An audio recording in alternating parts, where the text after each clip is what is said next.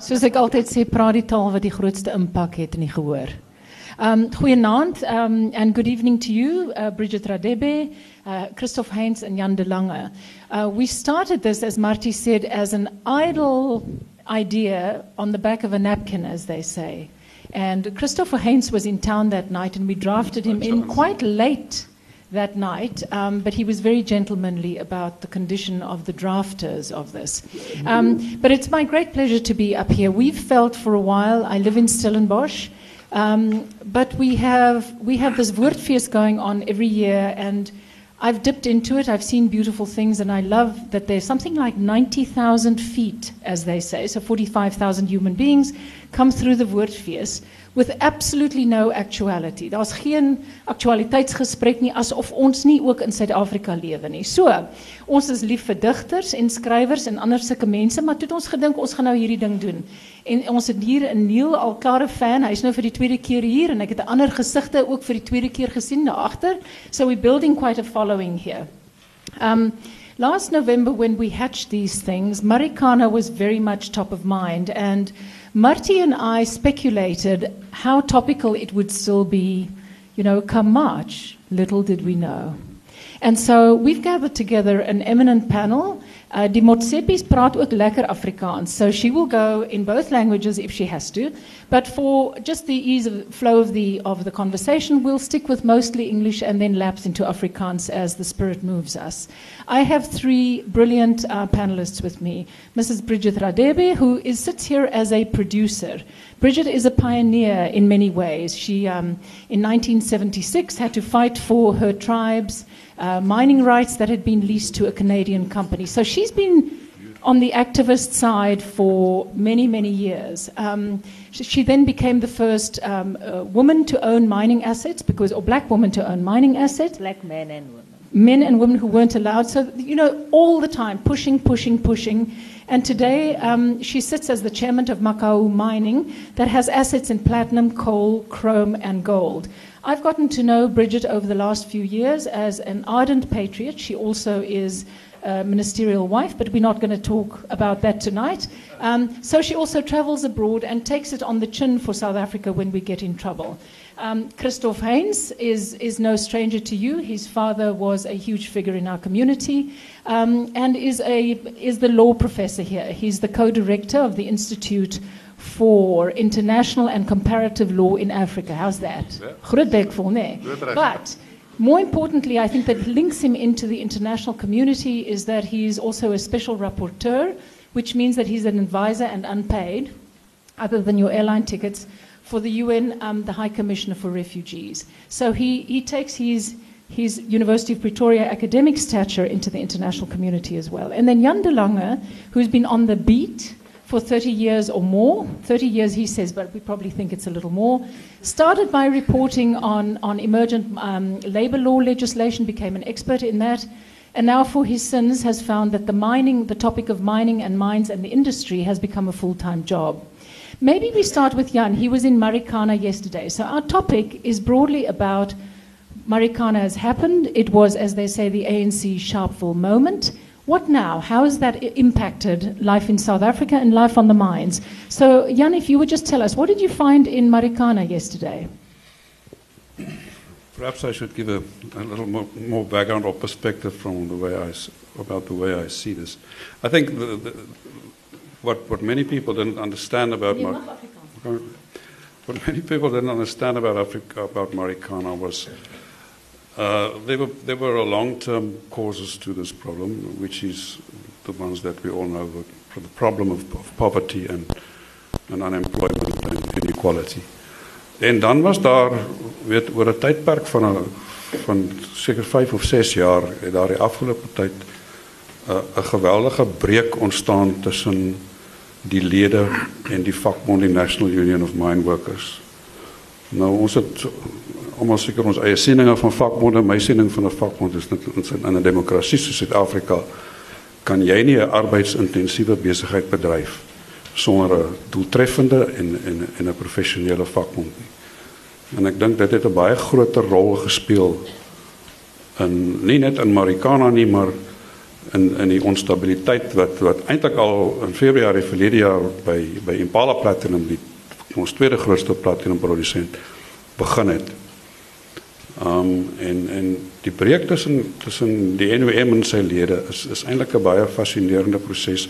Ek dink die NOM was tot op, op 'n manier 'n slagoffer van sy eie sukses.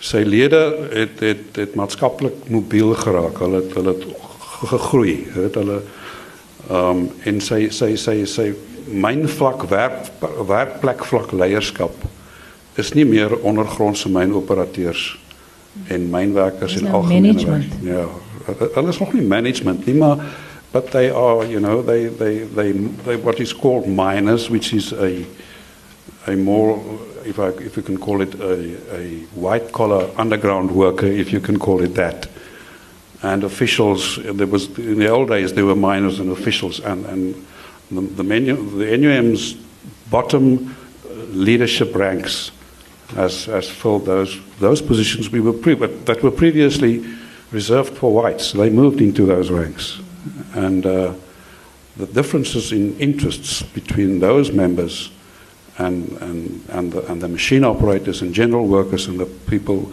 the rock drill operators that we saw, heard so much about over the last years. Uh, there, are, there, are, important differences in interest, and, and that, that led to a break between a breakdown uh, in, in the relationship. And, and these, these uh, workers, the majority, the, the, the, thousands of workers who, who toil underground every day, uh, and basically living on poverty wages. Um, uh, they feel betrayed by the union. And I think there's a, there's a strong anti-union feeling. There's, uh, there was a new union who, who splintered from the NUM more than 10 years ago, who was there to move in. And they are very successful, much more successful, I think, than, than people realize at, at the time of Marikana. Uh, I think over the past couple of weeks, they formally gained recognition as the majority union in the platinum sector. And, and the momentum that the, that the unrest in the platinum sector created, I think um, that, that also flowed over into the gold sector. And it's not unlikely that, that, that, that uh, AMCU will become the majority union in the gold mines within the next couple of months or maybe 12 months or a year or so. And that is, that is, that is an, an, from a political perspective, that is a huge change. It's, it's, it's, it's, it's, a, it's, a, it's a change with enormous political implications because the NUM is the oldest and the biggest union in the country, the oldest union in Cosatu, and it had a very special relationship with the ANC. Yeah. Um, how that's going to play out, I'm not every we'll sure. See. Yes, we'll, we'll have to read sure, what you yes, write. Yes, yes. So you were in Marikana yesterday. What was the purpose of your trip? Um, I think Lonmin was our hosts. They took us to, to the Marikana, after, uh, the Marikana division there and, and, to show us. And I think they wanted to show us to show us uh, how things have changed and that things and have stabilized. And yesterday morning, when we woke up at the Marikana Conference Center, we were informed that the, the Saffy shaft that I think, Bridgette, you I built shaft. Yes, yeah. you built shaft. Shaft sinkers. Yes. So, so PR nightmare for poor Lonmin then, right? Absolutely. Yeah. And, if, and they don't need any more nightmares. I think that company has been through. Yeah, through hell and back, as yes. they say. Thank you, um, Jan. Before we get to Christof, who's going to dive into the police brutality or, or, alleged police brutality, he's also, aren't you going to be in, involved in one of the cases? Or the inquiry. Let's just go to Bridgette for a moment because when Marikana happened and when we started planning the session, I called Bridgette and we've talked about these things before. In a way, it put poverty back on the headlines, but in a way, from the conversation I had with you some months ago, people have, don't really have a good understanding of what the producers, what the owners are doing, what those programs are. It's almost been as if we have this addiction to the violent parts of it, and then everything else is forgotten. What would you say in defense of, of what you, as producers and owners, are doing on the mines for empowerment? I think one has to look, before we even get into that, at the social, economic, and political scenario of why are we here. Producers normally have an agenda of return of investment for shareholders and also profit is. And then in that environment, the producers normally would do extraction, exploration, exploitation of the ore. And the, the normal mining method used to be ghost towns and the resource curse would be perpetuated because ghost towns would be left behind. And that model in the past, it's no more like that now, would have, if I build a little church here or a little school there, I've done my share as part of social corporate investment. And the bulk of the money goes offshore. And, you know, all the, if you look at the mining industry to date, the research that we did, um, I'm also the president of the South African Mining Development Association, which is one of two chambers, is the junior mining chamber, representing companies that have an asset base of 50 million to 7 billion. Above the junior chamber is the Chamber of Mines. We did a research as part of the charter review, 2010-2011. You find that Citibank says that the, the, the, the resource and reserves of South Africa is about 2.5 trillion. But when we looked at the 24 listed companies in the JSE Stock Exchange, about 1.9 billion is their value. And 30 billion in 2010, 2012, 2010, 2011 was being exported as dividends, while 10 billion remained behind as taxation. And you find that underneath is, is, is, is a producer that has to wake up. Now, I'm talking as a person that has been in this industry for 26 years. I'm the first black person to enter this industry and as a, as a contract miner.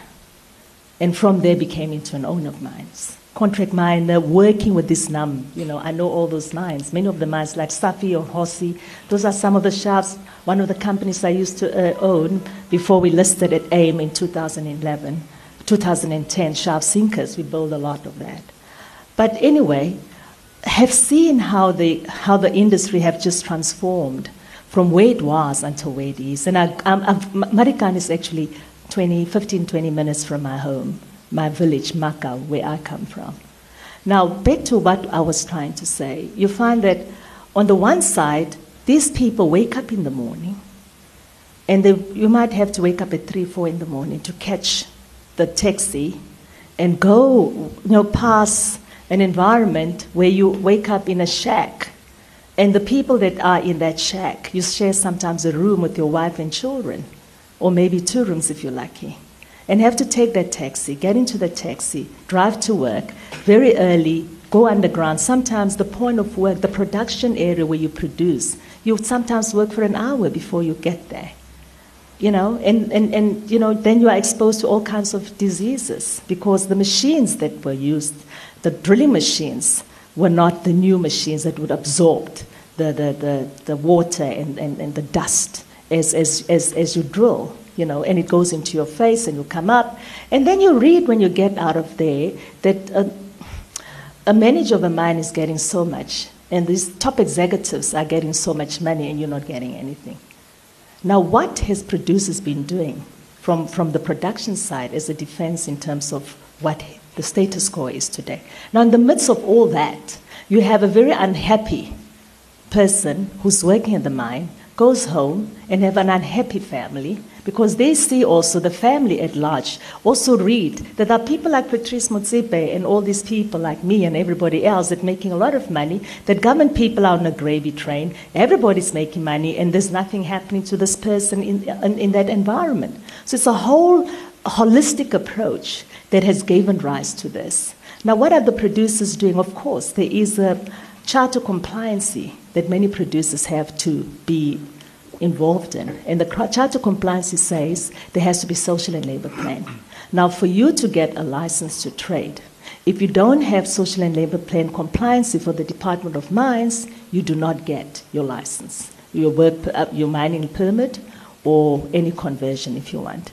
And over and above that, what the producers did in the, in the Eastern Bushveld, that's when we started then, and it then transformed, it went graduated towards the Western Bushveld.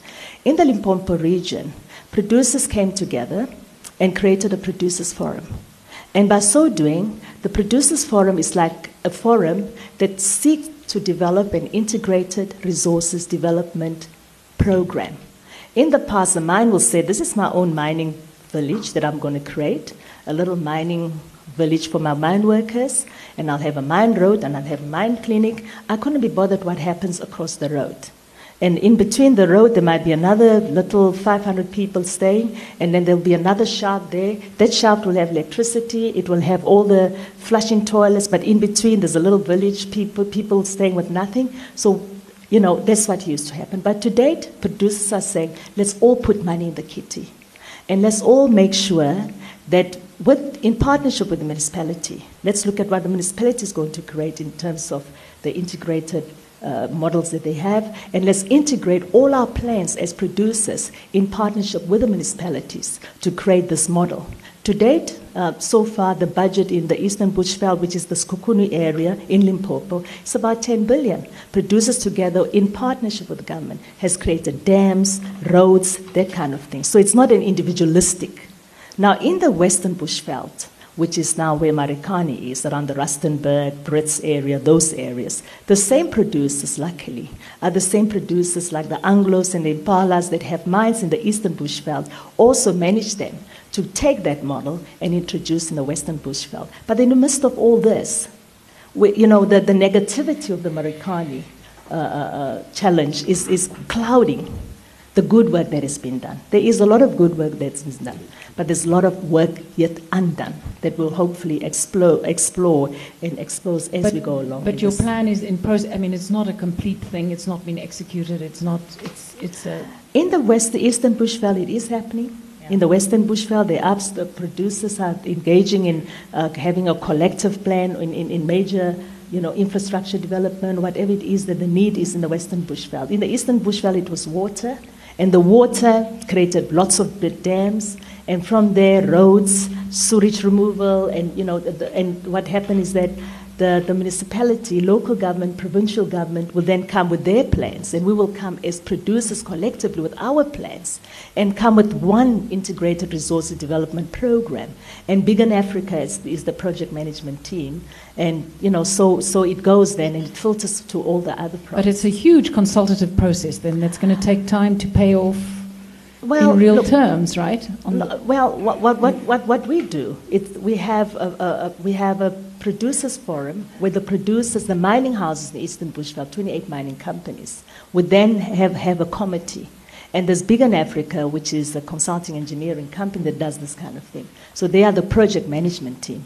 And then we plan with the municipality what is the need. Are you happy with the output so far? In the Eastern Bushveld, there is, there is, there is. I mean, the dams have been built. Mm-hmm. You know, Flag Boshielo Dam. I mean, and there are two dams that have been built. There's roads there. There are houses. Uh, when I, when we started with Impala to build Marula Platinum, which is uh, the company that we own with Impala, Burgersfort had nothing.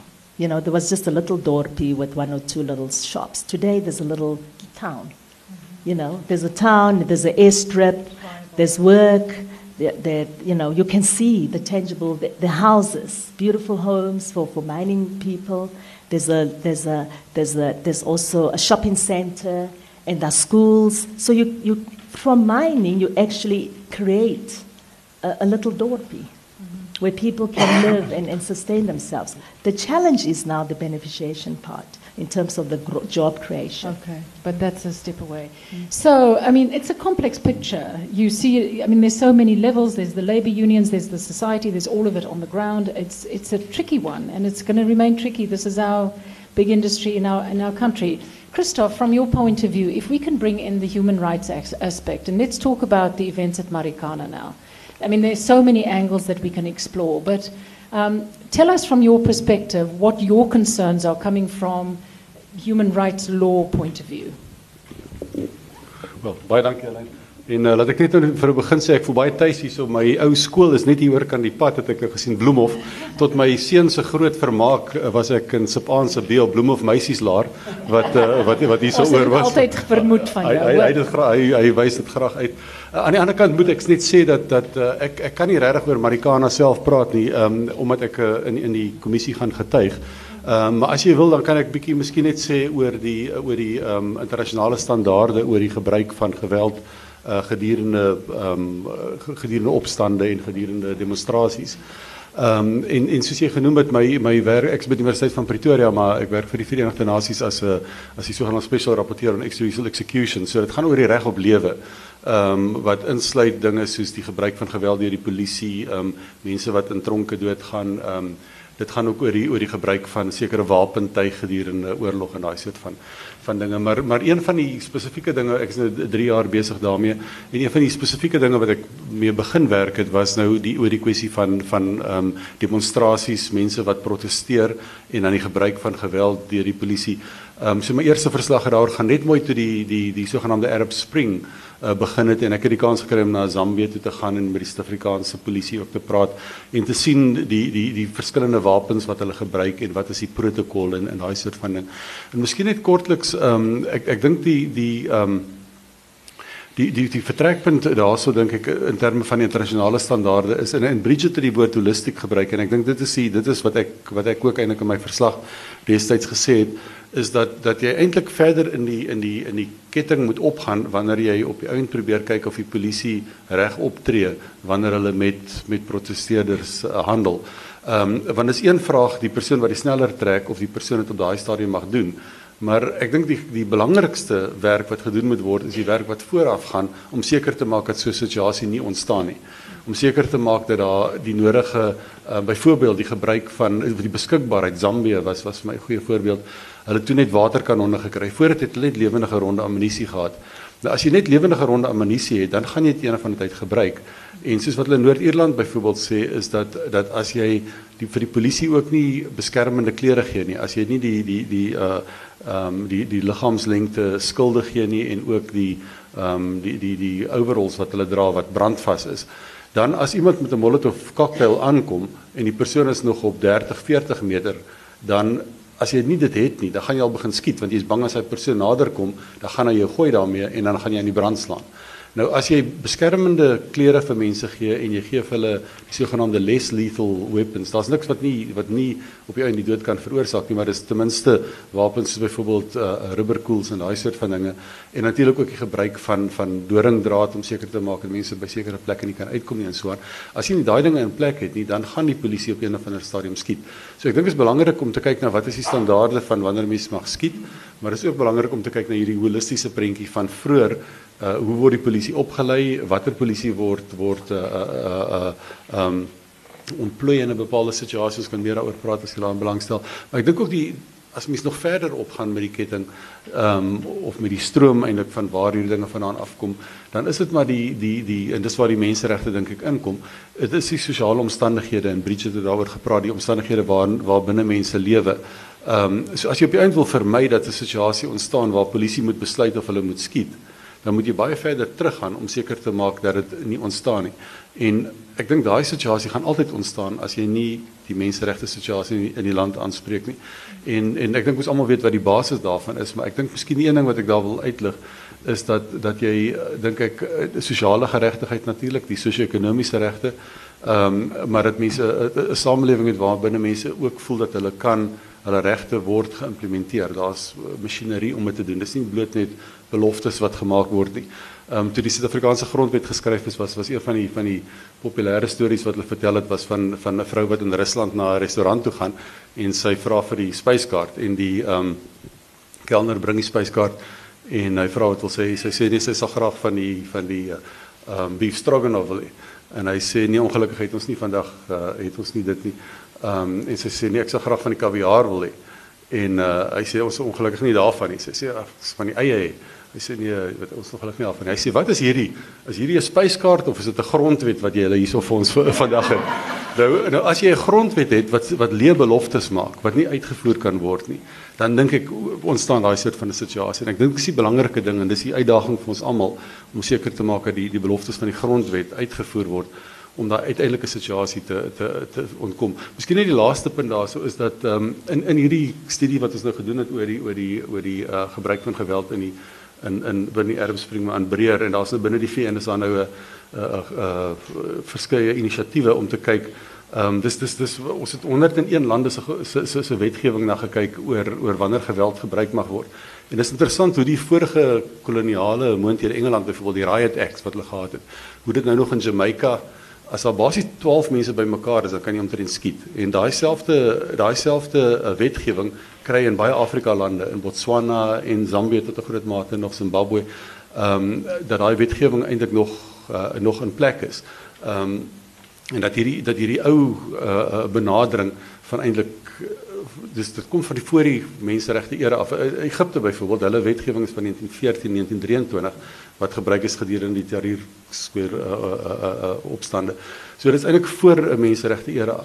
En daai benadering van van 'n nie 'n menseregte benadering wat polisie self volg nie, dink ek is die, is die, is gee aanleiding tot wat die sielkundiges noem die escalated violence uh, benadering in plaas van dat jy die die die die geweld eintlik deeskaleer. Ehm um, kry die die die opstandelinge wat wat geweld gebruik, die polisie wat dit probeer troef, die mense wat reageer op irrasionele manier miskien en dit dan en dat jy uiteindelik 'n escalation het 'n uh, uh, eskalasie van van van geweld het.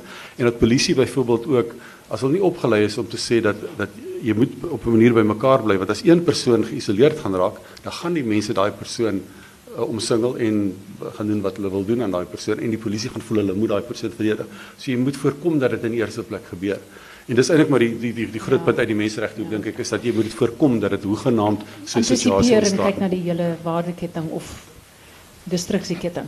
Um, ek onthou in 19 in die vroeë 1980s um, het ek 'n vrou ontmoet wat saam met my studeer het op UCT.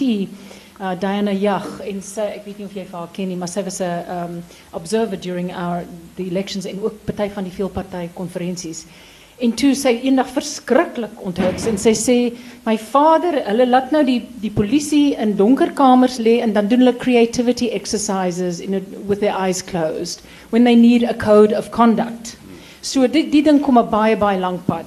Jan, wat um, die polisie is natuurlik vreeslik in die moeilikheid en ek moet net sê dat as 'n besorgde inwoner van hierdie dorp het ek en Martie en 'n klomp stoepsusters wat daar saam bly op 'n kol die ander dag uh polisie aandag nodig gehad. Daar was 'n indringer agter by ons agterdeur en ons het toe aan hom voorgestel dat hy nie hier moet leebottels soek nie en miskien moet die polisie hom help om nie leebottels daar by ons te soek nie. Hy het toe laat spat en daar twee sersante by ons aangekom baie vinnig.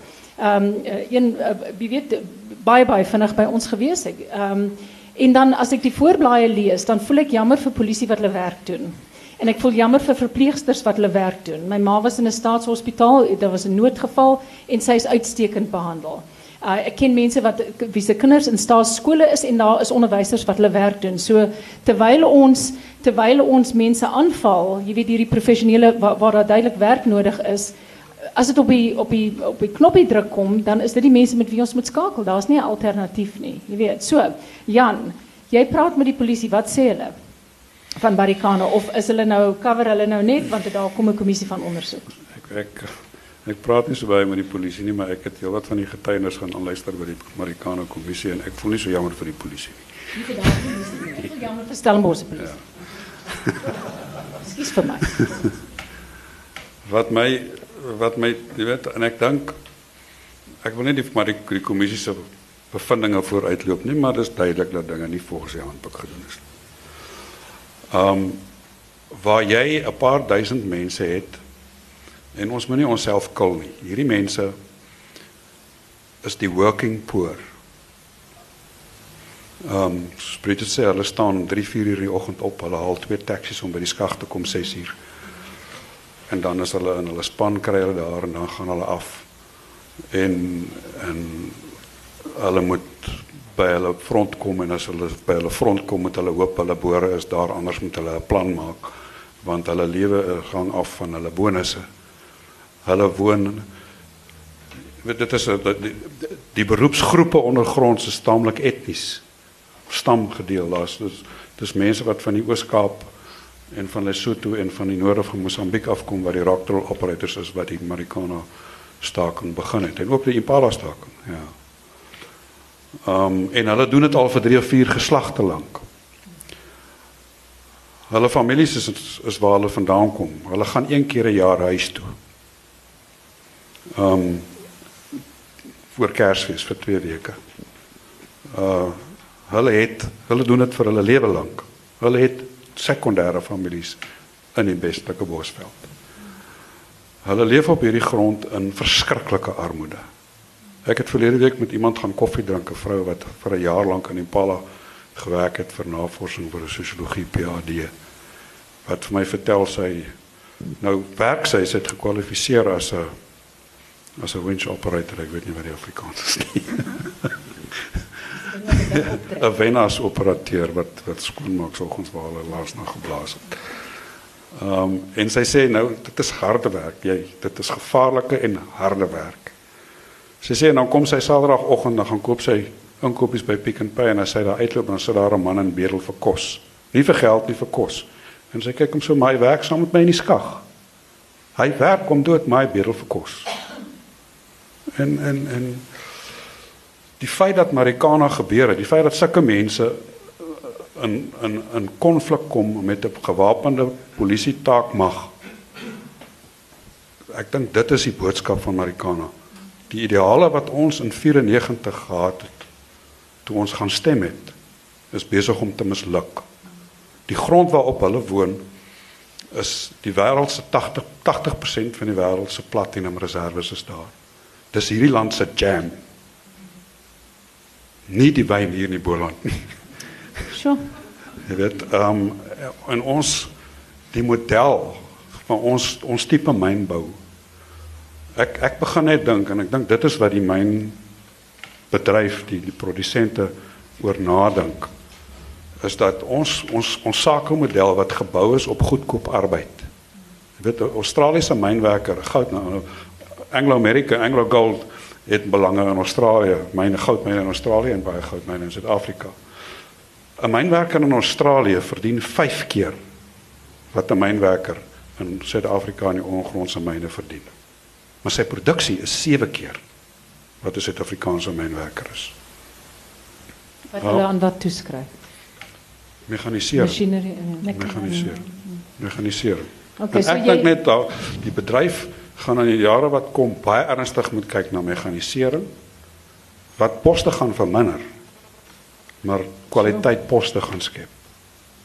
Ehm um, en die implikasies daarvan en ek ek hoop ek neem aan ek dink ek het al die syfer gehoor maak wat Tifan het nou eendag gesê Anglo Gold se baas wat nou Anglo American se baas word wat ons groot sê dat hulle reken met meganisering in Anglo Gold in Suid-Afrika wat nie wat vir jare lank 'n uh, uh, uh, 'n rooi herring was, Ja. gaan 40% van die koste van 'n mynmaatskappy uitsny. En daai koste moet die mynmaatskappy moet gedwing word dat hy daai koste moet toevoeg aan die plek waar hy myn. Hy moet 'n sakemodel skep. Um, hy 'n mynplan moenie meer 30 of 40 jaar wees nie. Dit is die tradisionele leeftyd van 'n myn. 'n Mynplan moet 100 jaar of 150 jaar wees. Die man wat daai myn oopmaak, moet sorg dat die ekonomiese voordele van daai myn vir 100 of 150 jaar in daai gebied geld. Sure. There's a also plan die. Bridget, what is how did Marikana? I'm sure you were as shocked as everybody else when you read the news, or maybe you heard it before the time, you know, on the wires. But how has that impacted the way you approach your mission as a as a producer? What's going to change? What what can you do to prevent from your side in this long value destruction chain, if you like, um, as we saw it? What what's your job? You know, I, I, I didn't think, Mari, the, I saw trouble coming because I, the company that I used to own, Shaft Sinkers, built Hossy and Saffy, and we're very involved in building the shafts in, for Impala Platinum in Rustenburg. So many years ago, we could see trouble coming in terms of the workforce, in terms of the National Union of Mine Workers losing their membership slowly but gradually for the very reasons that were very well articulated mm-hmm. by Jan. And also, you know, but I never ever visualized that it will be the way it was going to be in this kind of never, you know, shocking deaths of people and the destruction of what is happening right now.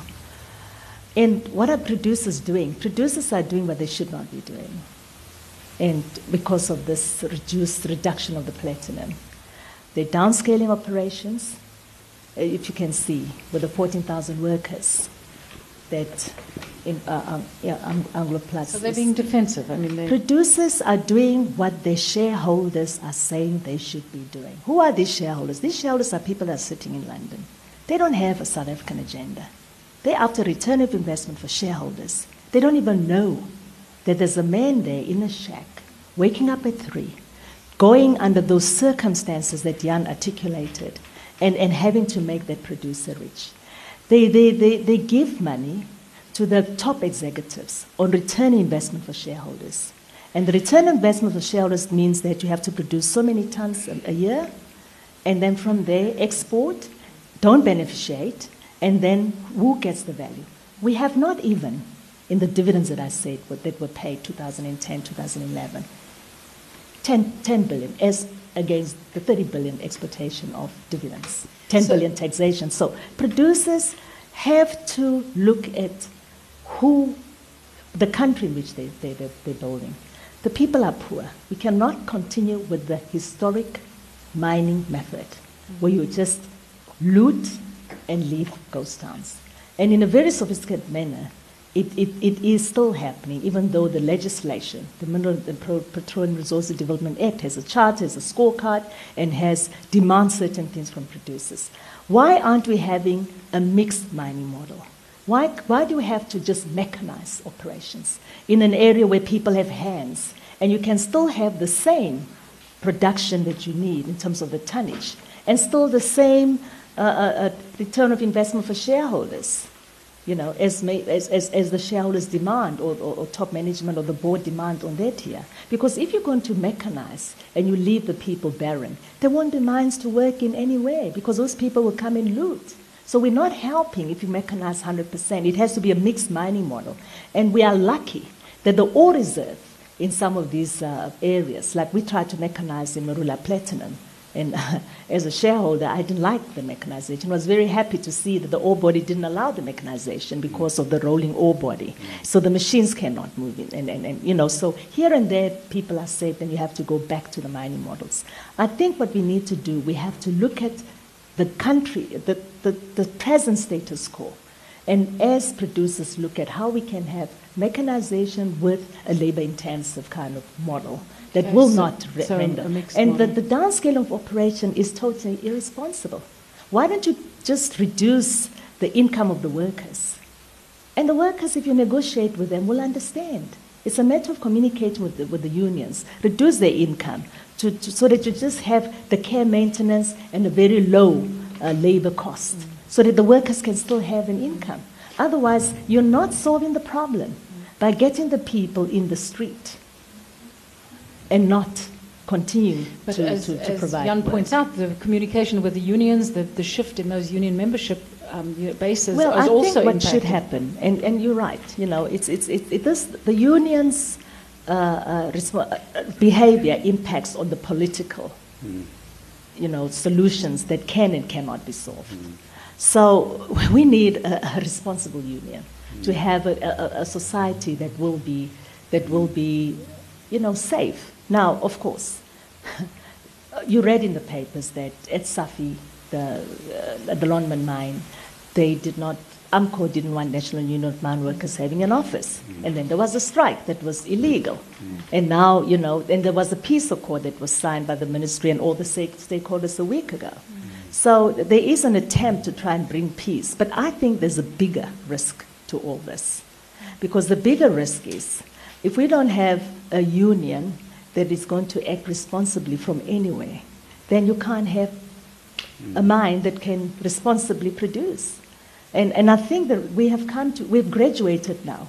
People have become, have gotten a wake up call, and I think many of the union leaders are also realizing that it can't be business as usual. Mm. So the, the situation is not as bad as it was. I went to the, I went to the memorial service of those miners that, were, that died at Marikani, and it was tense. And so tense that uh, during the day, we started in the morning. Of course, Julius Malema was still the, the all in all, and he was the one, you know, giving a speech, and everybody else were giving speeches. And the ministers were there the Minister of Police, the Minister of Mines, the Minister of Labor, the Minister of Intelligence. And uh, they were seated there. It was quite tense. And then at one stage, when the workers had finished working at Impala, those, those work, workers came to the tent in the afternoon. And when they stormed in, the politicians were dragged out. And my, my guys said, You go out. I said, No, I'm safe in here. they're not there because I don't want to be with those guys. I'd rather be here with the, you know, with the workers because, I mean, I, I wasn't at risk. Mm. But there I was with my big hat, with, with all this chamors continuing. But they were, not, they were not aggressive. They were just coming to render support. Mm. And then from there we walk up the Koppie and you could see the, the blood, you know, it, it, was, it was just traumatic of, of the people that died the, the, day before. And I had a discussion with the Reverend Seoka, who's the chairperson of the South African Council of Churches, who's been very instrumental in trying to keep the peace going. And, and, and we, had a, we had a long discussion about all this. And of course, unfortunately, in that discussion, the police's um, interaction was a little bit uh, challenged, you know. Christof, they say that legislation trails about 20 to 25 years behind what's really going on in a country. That's right. And what needs to be done to prevent the next Marikana? Can, can legislation, can human rights law do anything?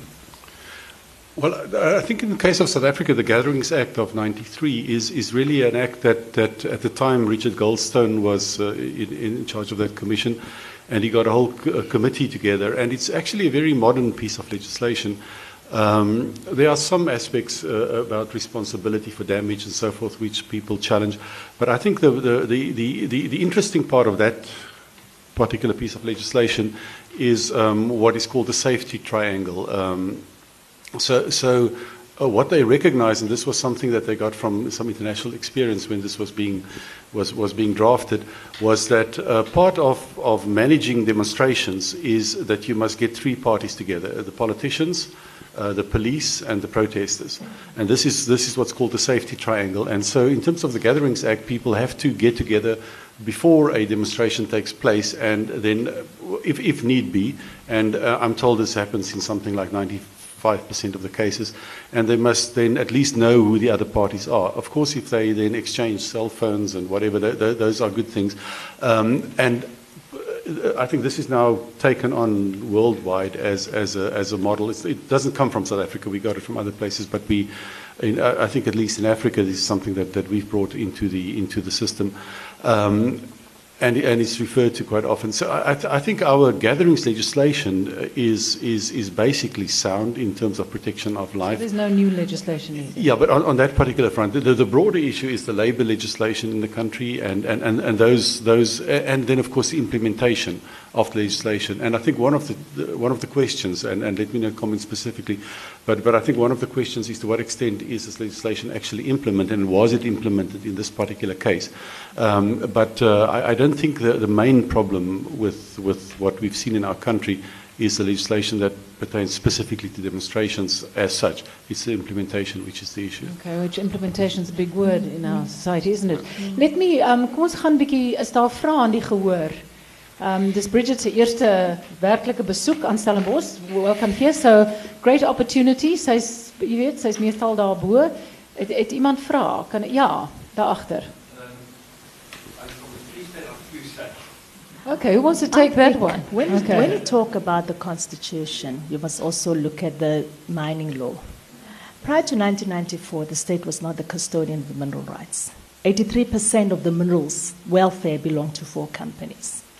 So after 1994, it was very important to introduce the Mineral Petroleum Resources Development Act so that everybody can have access. And the state becomes the custodian of the mineral rights. And by so doing, foreign investors and local investors can all have access. Now, you know, in terms of the capitalism, unfortunately, you find that in the capitalist environment, return of investors for shareholders is king. Now, there's nothing wrong with that. Profit, there's nothing wrong with that. But there's something wrong if you continue perpetuating, perpetuating the, the, the looting of a resource, leaving resource curse, irrespective of the fact that there's a charter, there's a scorecard, and there's a mining legislation that says by 2014, the latest, it should be 26% of the historically disadvantaged South Africans at least being a party to the ownership structures. To date, in the research that we've done as South African Mining Development Association, only, there are only four companies that are BEE unencumbered net value. For unencumbered net value, it means if you buy a car or a house, and that house is one million, and you've not paid the house, and maybe you've only paid as far as 500,000, The banks are going to, is going to take that house if you haven't, if, if you can't pay every month. Uh, and, uh, unless you put the house on the market and you sell the house for 1.1 million, then you can pay the bank and at least have 100,000 back. If maybe you can't get the value of the house beyond 1.1 million, you can only sell it for 900,000, then you still own the bank another 100,000 to make the million up. So what to date is happening when, the, when we did the research to see how many of the historically disadvantaged members of the community in South Africa have ownership, unencumbered net value. It's only 2.7%. And who are they? Royal Bafokeng Nation, uh, uh, ARM, and then ASO, you know, and, you know, they, they're just very few, 2.7%. And a lot of this so called ownership that the BEE companies think they own, they do not own. Because the way that the mining, the mining uh, loan, loan, loan, loan legal agreements are structured. Loan agreements, subscription agreements, shareholders agreements are that that it doesn't matter for the life of the mine, whether it's 30 year life of mine or 40 years life of mine, you will not ever be able to pay back your through the dividends the loan that you got to own the shares. Why? Because in terms they don't dividends are never declared, and by not declaring dividends by these foreign investors, you find that the local people are not able to pay, not even secure money to, to, to finance the, the interest. So you find that the loan builds up and builds up and builds up, and more than ever, the, the, the foreign investor, who's the technical partner, will then have a management fees of X percent and marketing fees of X percent of gross revenue. So they don't want to pay dividends because they, they are making money anyway. So this, this this disease, if it doesn't stop, the Marikani issue is not going to stop. Because people of South Africa says 19 years down the line, what have we gained? You know? And you find that when, when, when we deal with Afrikaners in that, that, there are lots of Afrikaners in that area, we, we are all looking at this country because we have nowhere to go. We, have, we really have nowhere to go. These foreigners are in London, they're in Australia, they're in Canada, and they call the shots. So something has to give. Something has to give. So that's the greed that you're talking about. But the mining legislation is there to make the constitution, at least, you know, come constitutional life, you, there's, you know, come around. The legislation, if it's implemented, you spoke about implementation. If only these people were just to implement the legislation in good faith and in goodwill, we will not have these problems. Thank you. Thank you. Vrystater, het jy jou antwoord gekry? Nee. I, I, I, hesitate to support any point of view that, causes, uh, that calls out human beings as the main pollutant on earth, but I think we're trending that way. Frans Troebel, jy het 'n vraag. So Frans, jou vraag is dan oorskat ons die waarde van die mynwese dan of die industrie as okay. You see, the mining industry is an industry to be reckoned with. You, you just can't wash it away. It's a pity I don't have the statistics. It contributes a, a, a, a vast for electricity, transportation, for a lot of other non-mining industry. You create a mine, then you create an airport, you create a road, you create a clinic, you create, you create a manufacturing plant, you create, you know, there, a lot of other jobs come out. And to wash it away when we are the leading owners of platinum in the world, and many other uh, resources in the world, in terms of commodities in the world, will be not will be shortcoming because you know we are a leader in many other resources.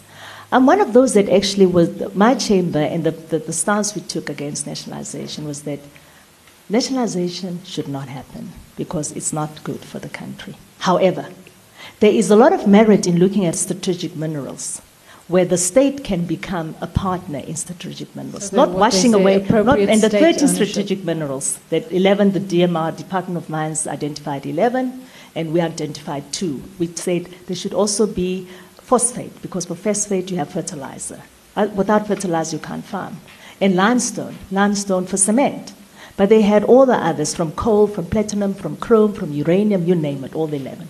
And there's reason for the state to be a partner, a, a, a, creator of um, an owner in a coal mine, so that we, we stop, we stop the lack of electricity problem. Because what happens? I own a company that's a partner with Total.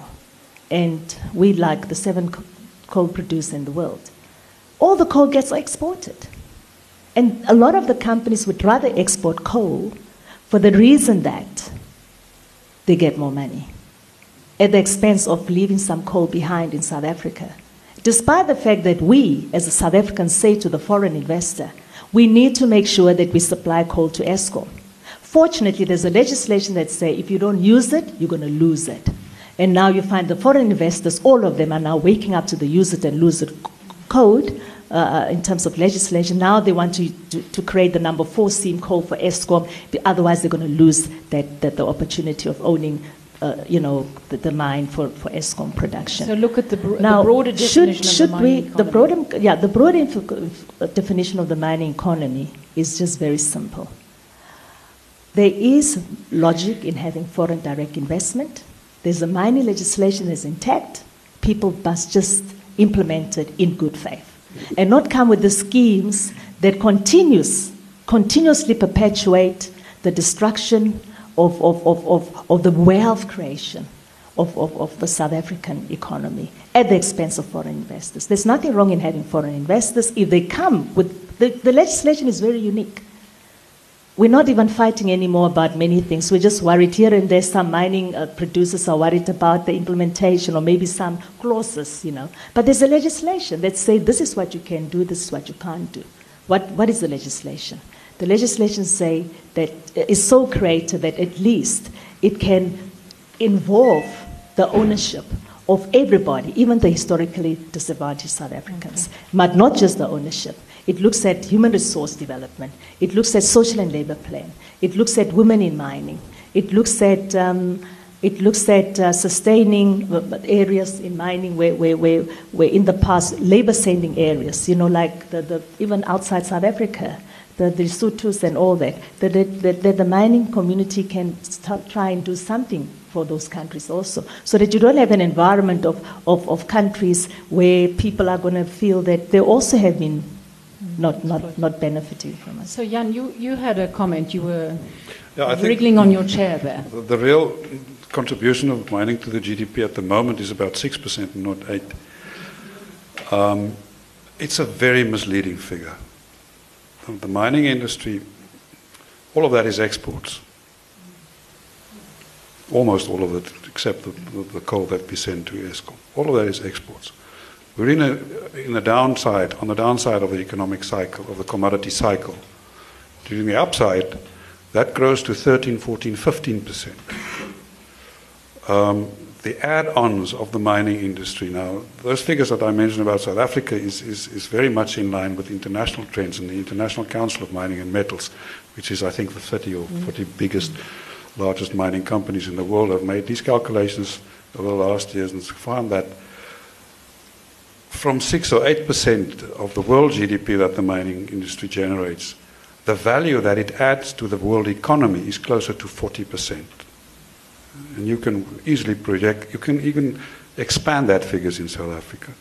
There's no, no doubt that the, that the mining industry is, is the flywheel of this economy. It, we can't do without it. We don't have a manufacturing industry without the mining industry. The supply that the, the, the the, the, procurement that the mining industry, that the, the, activity that the mining industry initiates through procurement programs. It's a huge industry. Mm, okay. There's a question, daar's 'n vraag en dan gaan ons daar en dan is ons tyd amper om so. Twee vrae. Dankie. Uh sonder sonder sonder elektrisiteit kan jy nie 'n huis kan jy niks doen nie. Ja. so steenkool steenkool is baie baie uh, think it depends a lot about the price of platinum and the price of coal. Yeah, yeah as you know, it depends annually because you find the price of, yeah. So there's an, there's an unutilized resource. So Bridgette, are you going to? Mm-hmm. I think, yeah. I think that. Are you going to get into? Thank you, sir. Thank you. I'll, I'll feed it back to Stellenbosch. Yeah, thank you very much. So, Bridgette, let me bring it back to the producer. Are you going to get I'm, into I'm, alternative I'm, energy? I'm, I'm, actually fascinated with the, with, the, with the world of experience in his brain. And it's always yeah. nice to hear what they have And we have, uh, we have, it, yeah. yeah. Thank you. But are you going to get into alternative? Well, we have energy? already started. For, fortunately, because of the carbon, carbon tax many countries in the world have to become more carbon tax, tax efficient. Um, I mean, uh, CO, um, um, you know, have, have to look at the carbon, carbon, uh, carbon dioxide problems. that CO2 have. emissions, So the okay. carbon, carbon emission tax is going, is going to be introduced, and many companies will look at. But my company has already started looking Okay, at alternative there's- energy, wind energy with the Spanish company, and solar energy also. But what Eskom is doing, and what a lot of the there's the tender that's coming up that runs into the billions for, for, for that Eskom is going to have right now in March. So they're going that way. Okay. Yeah. Yeah, it's a huge. I've seen the numbers on that. From, yeah. They've already started doing something. Remember last year, Eskom did uh, Northern Cape. Yeah. And um, I'm very thankful for that because um, I grew up in Upington and we finally had to be good for something. You know? There's a last question in the back to the lady. Thank you. Nee, ek het hom gesê hy moet polite wees. En jou vraag is? Dit is goed gestel. Ja, Jan, en uh, ja, so last word to everybody if you care to. Jan, jy begin. Miskien op die laaste op kritiek. Ag, ek dink nee, ek is sensitief nie, ek stem saam.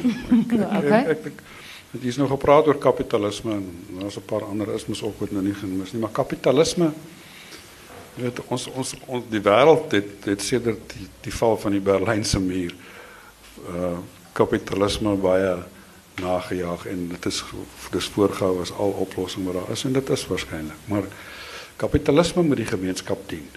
As hy nie die gemeenskap dien nie gaan ons hom uitgooi.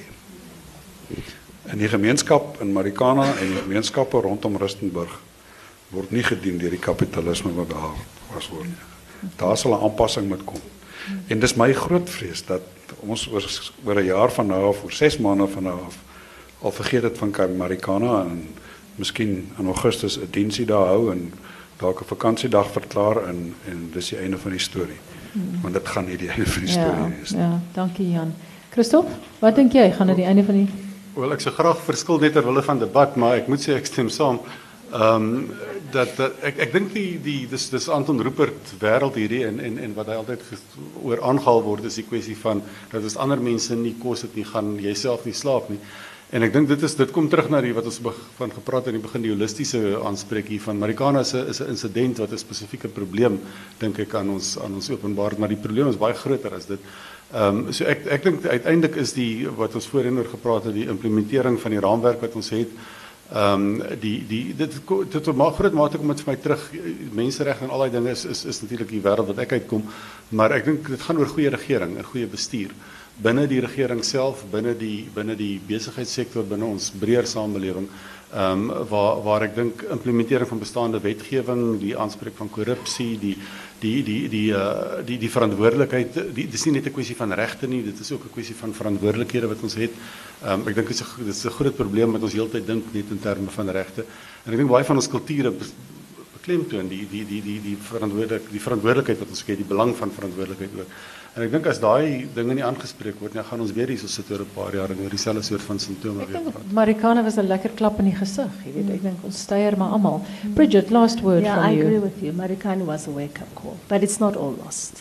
I mean, I've seen this industry from the time I started in the mid, late 80s until now, when the, the doom and the gloom of the industry was prevailing, where the state was not a custodian of mineral rights, where 83% of the min- mineral rights was owned by a few.